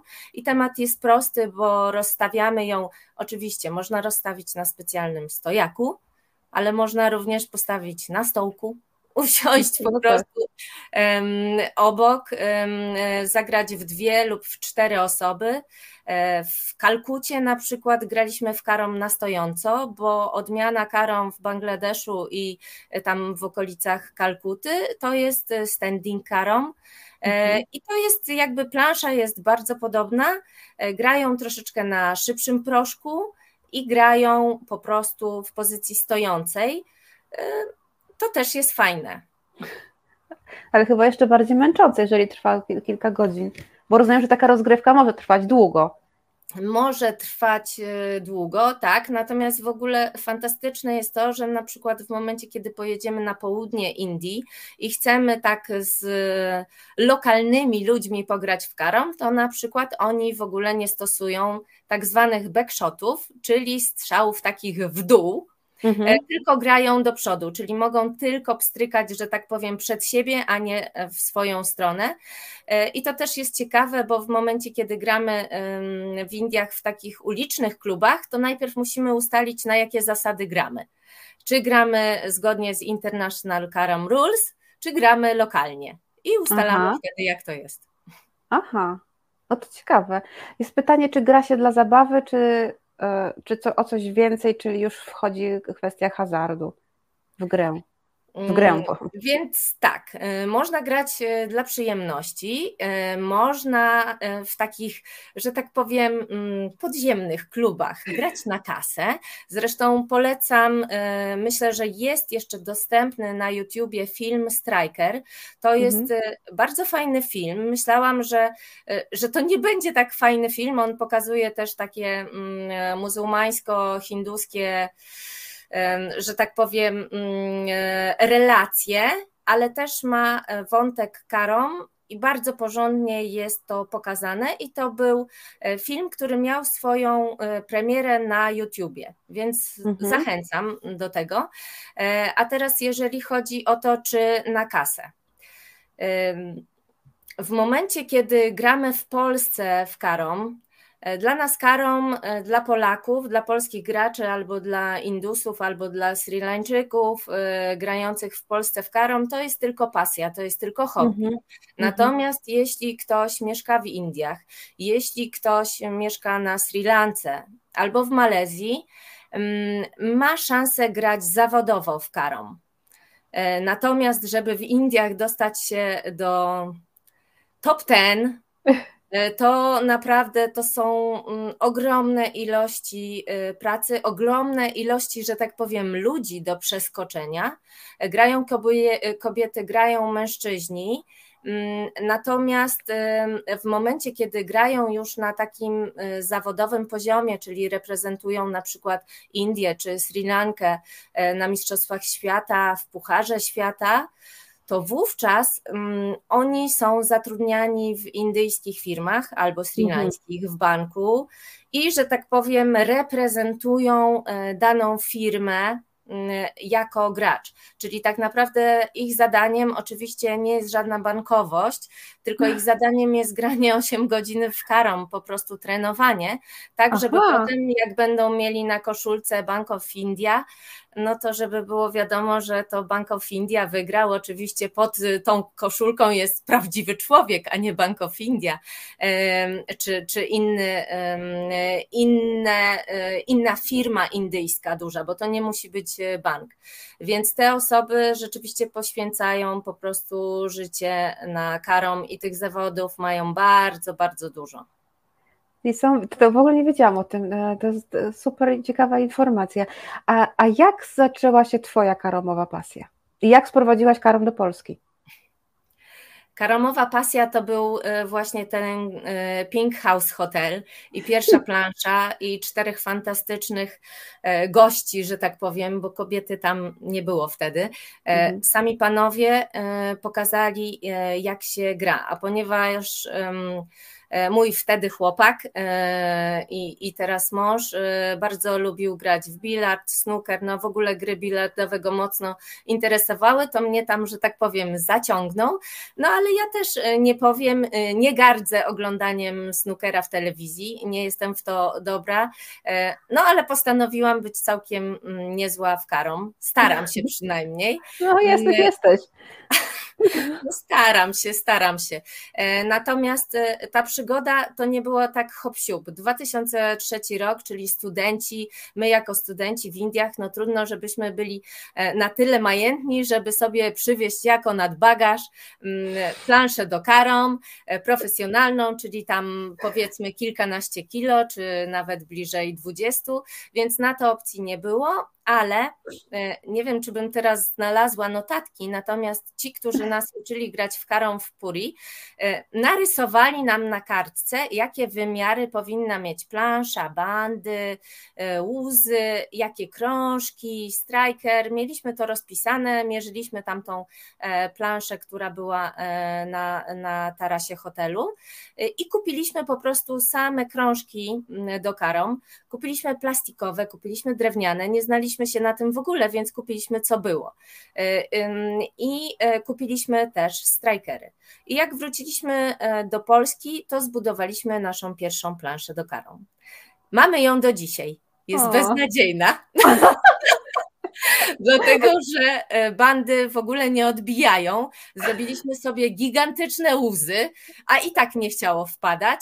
E, no i z tą planszą mieszkaliśmy i, i że tak powiem, przyjaźniliśmy się przez wiele lat, aż w końcu mm, po kilku latach stwierdziliśmy, że na tyle tęsknimy e, za tą grą, no a nie mogliśmy co chwilę latać do Indii tylko na samogranie w Karom. Szukaliśmy, czy ktoś e, w Polsce dysponuje takim sprzętem, natomiast to jeszcze nie były czasy mm, e, Facebooka, grup no tak. różnych, internetu, więc e, no, nie było szans za bardzo się skomunikować. A ponieważ ja mm, studiowałam też handel zagraniczny, to postanowiliśmy sprowadzić z Indii troszkę plansz. Mm, na chybił trafił, więc to też było ciekawe. Nie wiem, to nie był najlepszy pomysł. E, nie dostaliśmy najlepszych plansz, ale i tak były lepsze od nas, więc e, i tak było super.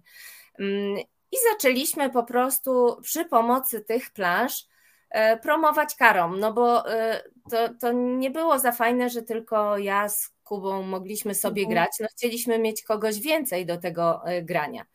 I tak naprawdę mm, e, pierwsza przesyłka przyszła do nas w grudniu 2007 roku. E, wtedy byłam w dziewiątym miesiącu ciąży. E, I w momencie, kiedy przyszła paczka, ja tam prasowałam ciuszki już do szpitala, szykując się. A mój mąż mówi wtedy: Paulina, ty słyszałeś, co powiedzieli w telewizji w marcu, bo oglądaliśmy dużo Eurosportu. W marcu 2018 będą Mistrzostwa Świata w Karom we Francji i będzie relacja w Eurosporcie. No wow. No więc w ogóle potraktowaliśmy to jako, jako niezły fart i jakby to, że po prostu to jest nam pisane, to promowanie mm. karą i w ten sposób Kuba mhm. trafił do Eurosportu w marcu 2008 roku. E, no i y, zajął się komentowaniem e, meczy karomowych, E, na Mistrzostwach Świata, które odbywały się we Francji.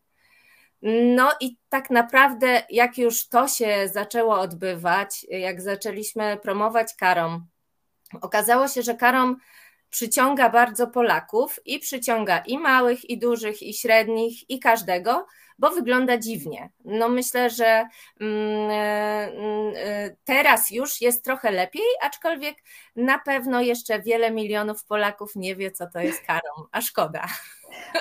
Szkoda, jak najbardziej.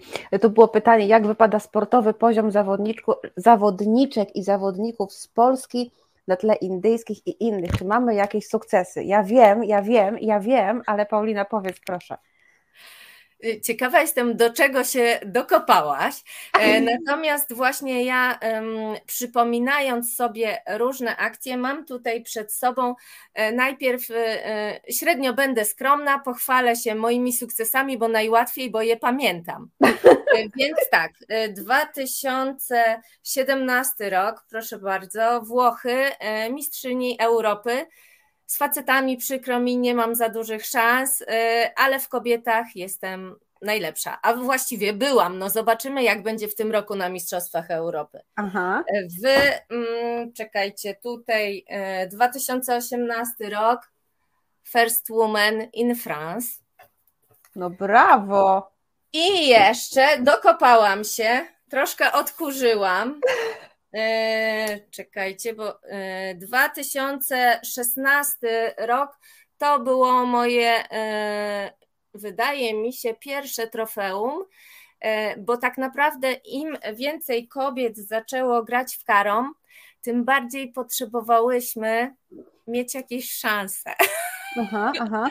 I e, tak naprawdę to e, damskie karomowe środowisko troszeczkę e, docisnęło ogólne karomowe środowisko do tego, że najlepszą kobietę powinno się na Mistrzostwach Europy też nagrodzić. Mhm. I to nie jest tak, że kobiety są totalnie na szarym końcu, bo z tego co pamiętam, to e, najlepszy mój wynik e, to była e, dwudziesta któraś pozycja w Europie, i uważam to za ogromny sukces, bo nie gram w karom od dziecka, tylko mm -hmm, zaczęłam -hmm. grać już jako mm, dorosła osoba.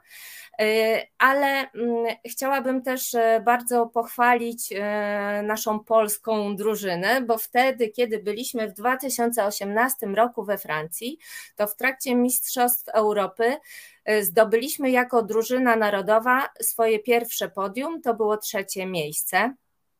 I to nie było łatwe. Cieszyliśmy się ogromnie. To było absolutne szaleństwo.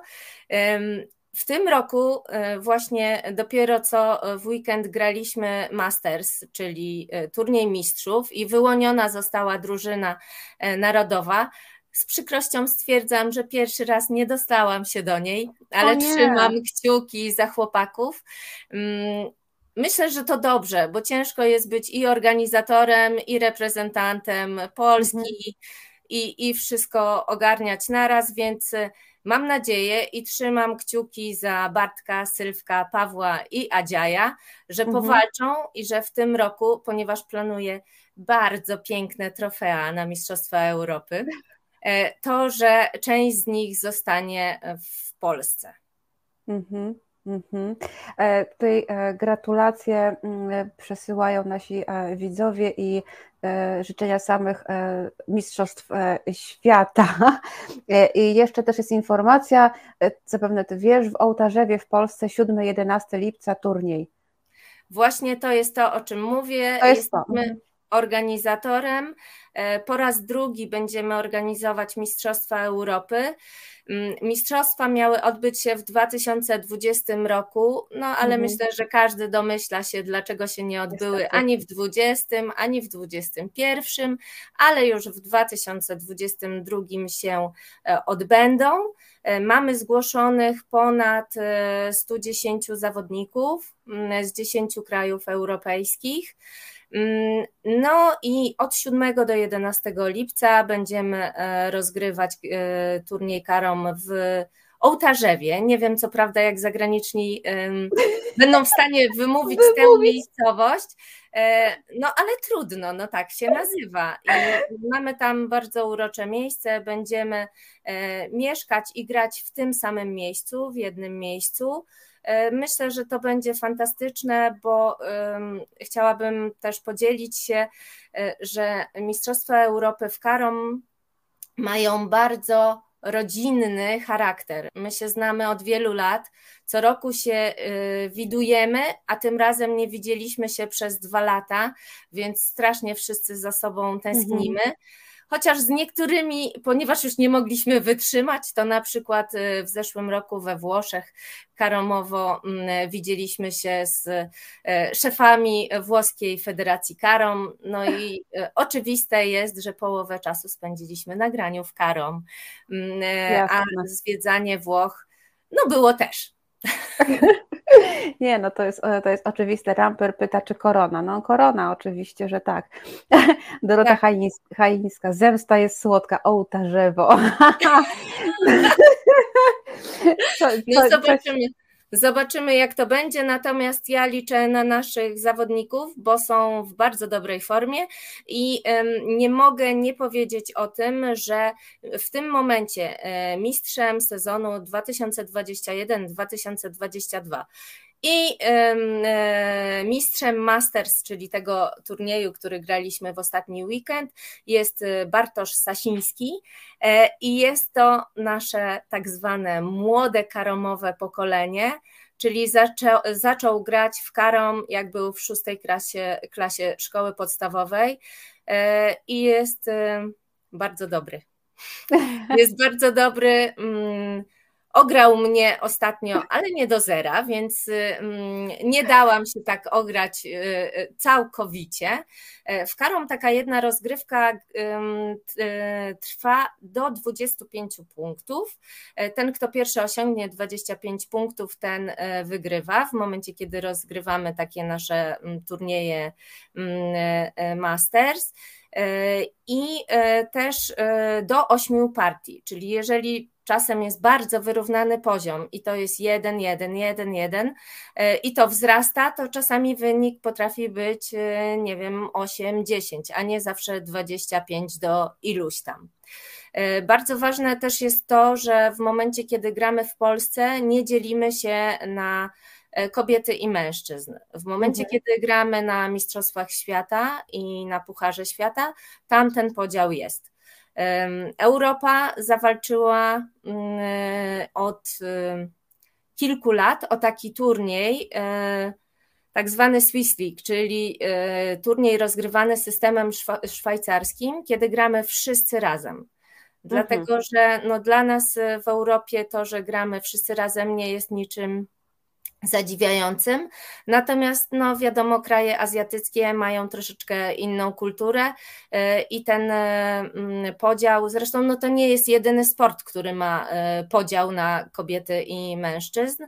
I chciałabym powiedzieć, że właśnie bardzo nam kobietom zależało na tym, żeby w Swiss League'u kobiety pokazywały na Mistrzostwach mhm. Świata, że potrafią być pierwsze. Mhm. Super i za to trzymam. I tak się dzieje. I są genialne y, kobiety w Indiach i rewelacyjne kobiety w Sri Lance. Y, Malezja też ma całkiem dobre zawodniczki, ale no top 2 to zawsze jest Indie kontra y, Sri Lanka. No i tak się tylko wymieniają, kto tam, kto tam jest, więc jakby odpowiadając na pytanie, czy mamy takie światowe jakieś um, szanse, no to musielibyśmy zdobyć mhm. sponsora, który na przykład Bartka Sasińskiego wziąłby pod swoje skrzydła i e, zatrudnił go na pełen etat i dał mu grać 8 mhm. godzin mhm. dziennie w karą. Wtedy szanse mamy na pewno. Rozumiem, no tak. E, ale jeszcze wracając do ołtarzewa, tutaj Dorota Haińska pyta, czy będzie możliwe oglądanie e, tych zawodów, na przykład nie wiem, na YouTubie, czy jakimś może streamingu? Tak, planujemy e, streaming. E, oczywiście nie z wszystkich plansz naraz, bo w momencie, mhm. kiedy mamy dużo zawodników, to tych plansz też jest dużo, ale na pewno coś e, będzie. Tak jak teraz taką próbą generalną streamingu był ten turniej Masters i można znaleźć na naszym Facebooku, na Polskim Stowarzyszeniu Karom mm, streaming z tego mm, turnieju. Tak też planujemy bardzo fajny streaming. Mam nadzieję, że nawet uda nam się troszeczkę z komentarzem. Mm, taki streaming, bo to by było cenne dla tych, którzy właśnie no jeszcze nie do końca wiedzą, o co w tym karom chodzi. No, ale to jeszcze, jeszcze trwają przygotowania, e, a tego typu e, realizacja turnieju wiąże się z tym, że mamy zaangażowane bardzo dużo osób, ale E, większość nich to, to jest wolontariat, więc a też no tak. jednocześnie jesteśmy graczami. Natomiast mam nadzieję, że to będzie pokazane tak, żeby było miłe dla oka. Jasne. Najlepiej jak umiemy. Oczywiście, nie, no ja podglądałam streaming ten weekend, fajnie to, to wyszło. Co byłam w pracy, ale wiesz, między serwisami sobie tam zerknęłam, fajnie to, fajnie to wyszło. Ale załóżmy, że może Dorota tutaj wykazała zainteresowanie turniejem. Załóżmy, że nasi widzowie dzisiaj stwierdzą, że kurczę, wow, ja bym spróbował. No to gdzie. Hmm, Przepraszam, ale jeszcze kapitan Stratford, Orlen daje kasę szachistom, da i karromistom, będzie jak w Indiach. E, Byłoby bosko. Czy ogląda nas ktoś z Orlenu? Hello, tu jest tutaj kwestia. E, Paulina, to Ja gdzie... jestem otwarta. Szukamy kogoś, kto by chciał, że tak powiem, zainwestować w Karom. E, mhm. A tak jak tutaj widzicie, też na planszy prowadziliśmy taki projekt Karom w szkołach bez e, ogromnego wsparcia sponsora, ale za pomocą wsparcia lokalnego i w gminie Stare Babice, w której e, no mieszkam, mhm. każda szkoła publiczna miała zajęcia karą. E, I stąd mamy też sporo fajnych graczy.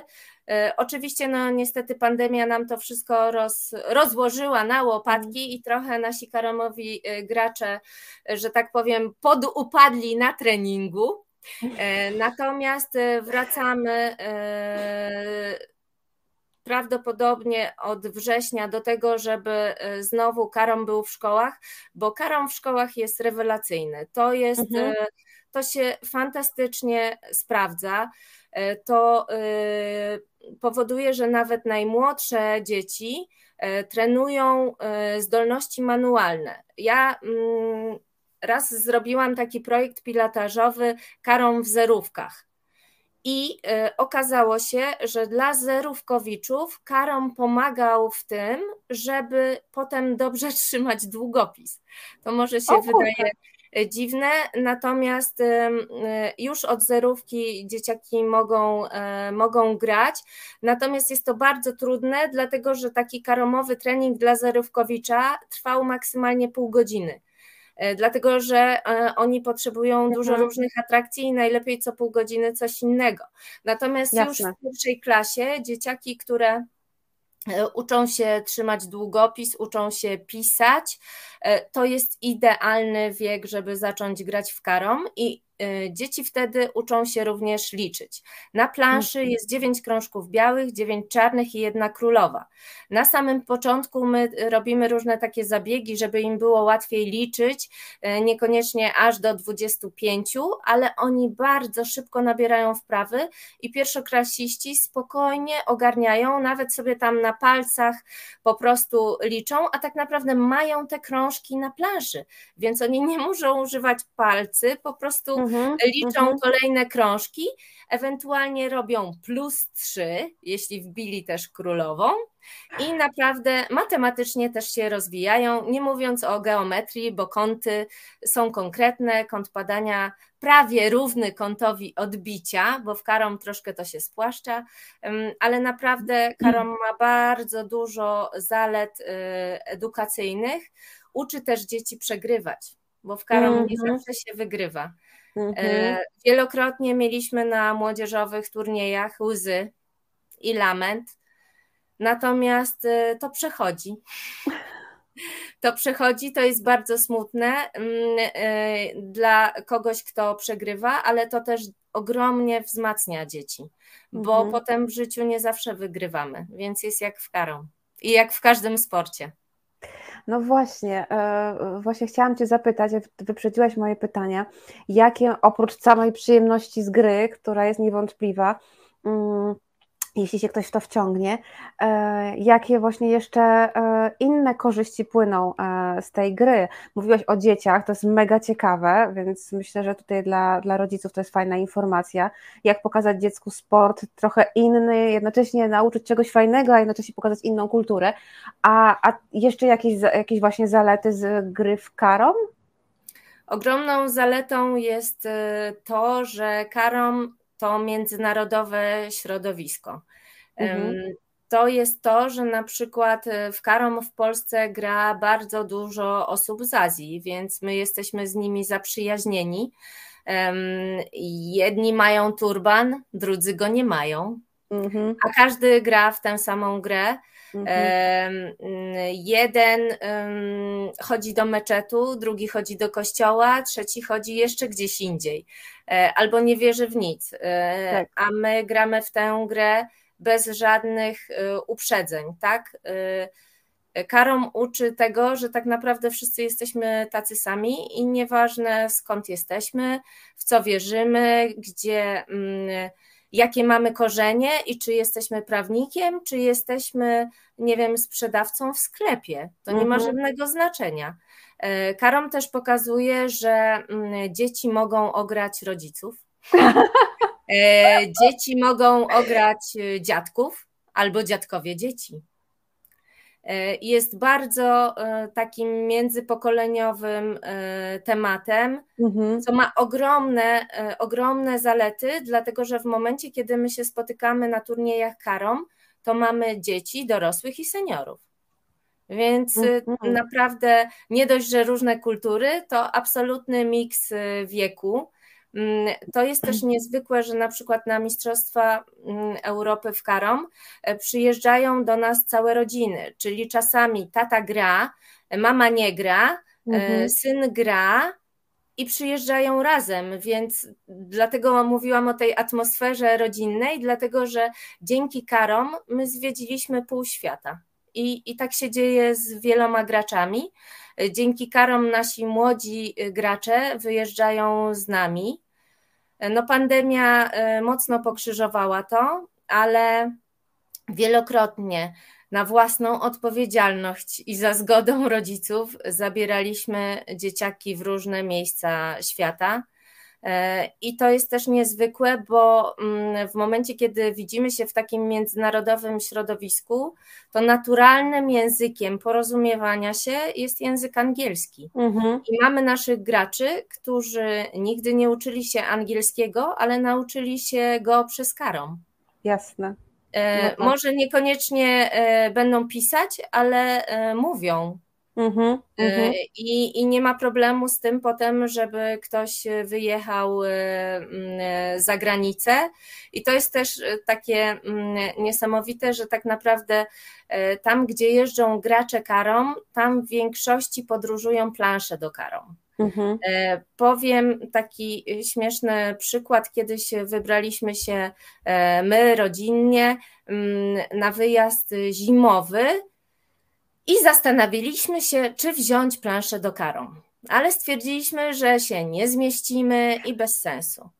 Natomiast już na drugi dzień, jak zobaczyliśmy, że mm, cały hotel ma tylko jeden stół bilardowy jako atrakcję i wszyscy chcą go używać, to wówczas e, no, wykonałam telefon do mojego tacy z prośbą o spakowanie planszy. Zamówiliśmy kuriera i na drugi dzień już e, mieliśmy planszę u nas. A co więcej, to też opowiem ciekawą historię. Poznaliśmy wówczas mm, Jarka, który jest właścicielem klubów bilardowych.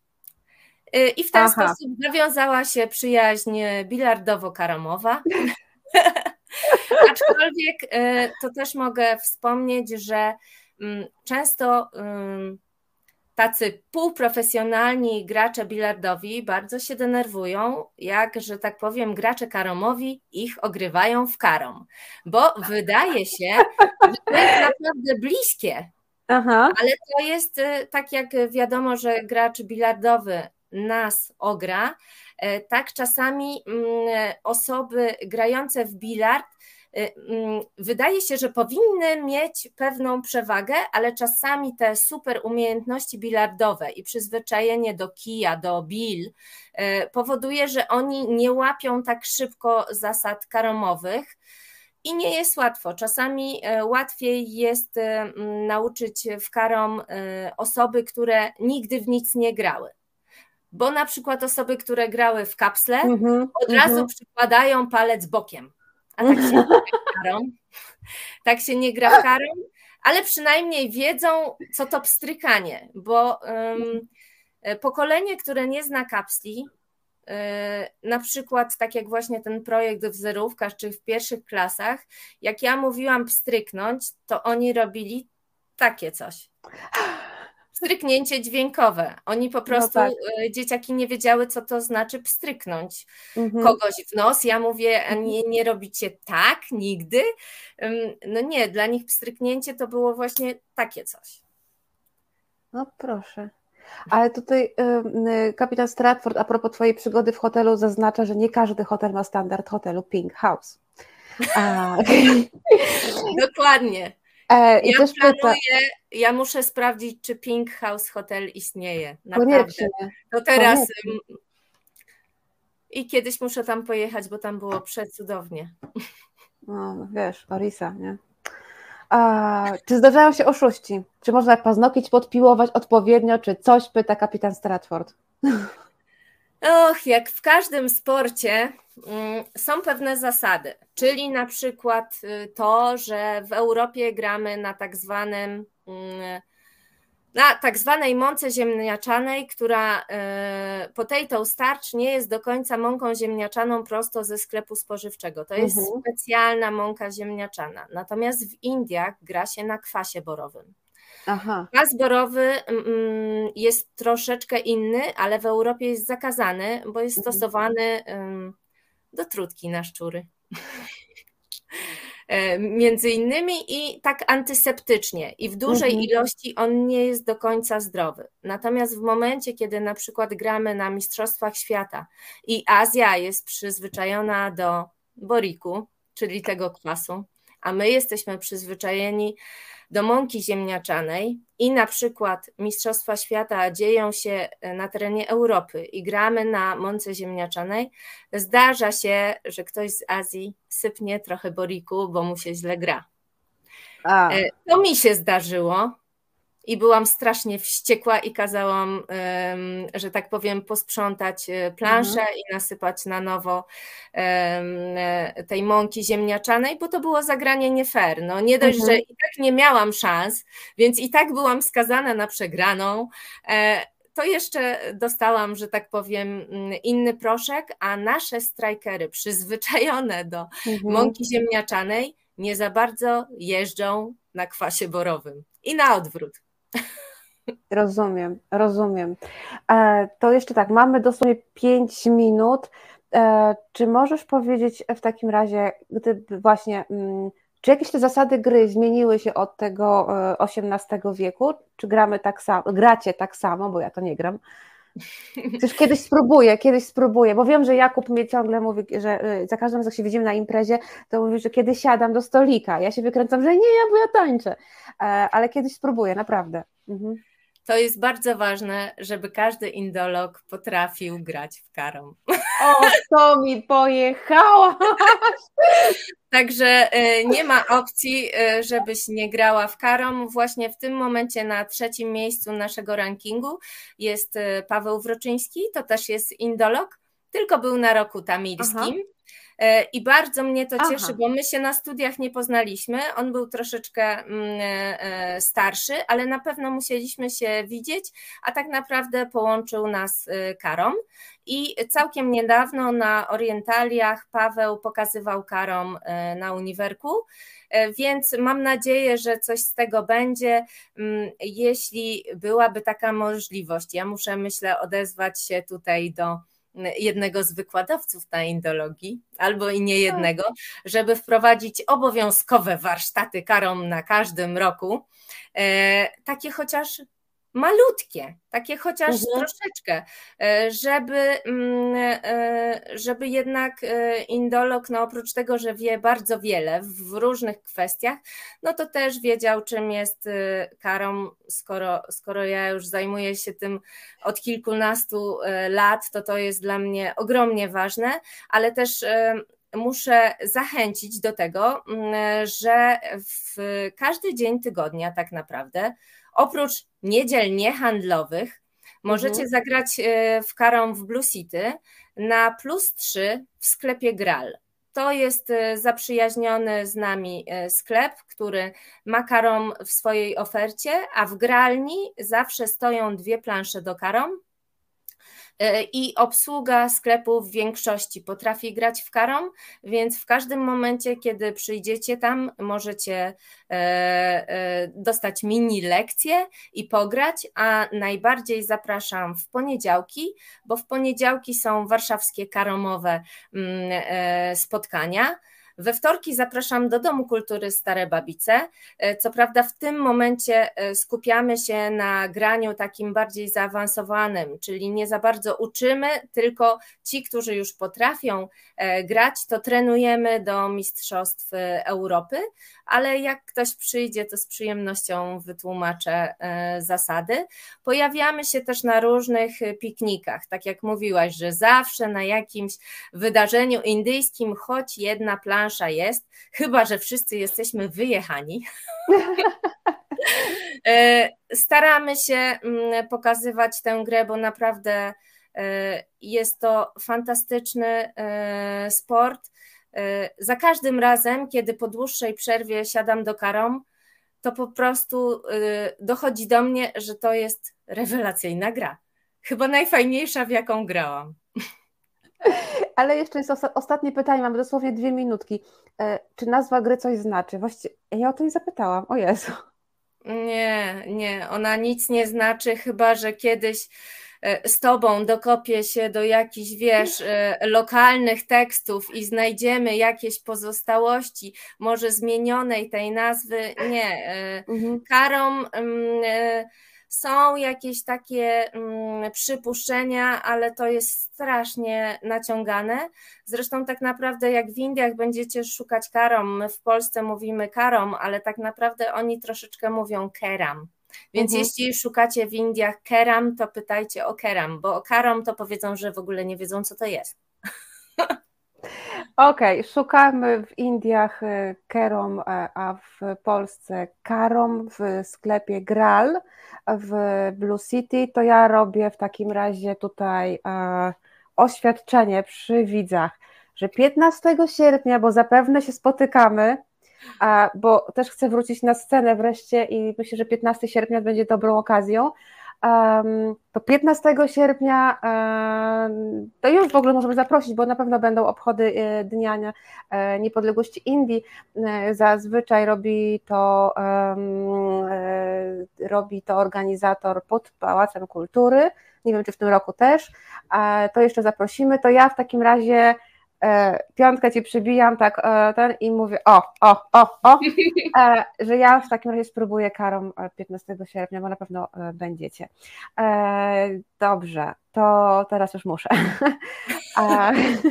Dobrze, Paulina, musimy już kończyć. Bardzo Ci dziękuję za tę, za tę rozmowę. E, widzę, że tutaj, tutaj widzowie się mocno zainteresowali e, tą e, grą i to jest, i to jest super. Moją gościnią była Paulina Nowakowska, prezeska Polskiego Stowarzyszenia Karom. Rozmawiałyśmy o indyjskim bilardzie, czyli grze Karom. Bardzo Ci dziękuję za to, że przyjęłaś moje zaproszenie. Zapraszam też w innych tematach, oczywiście indyjskich.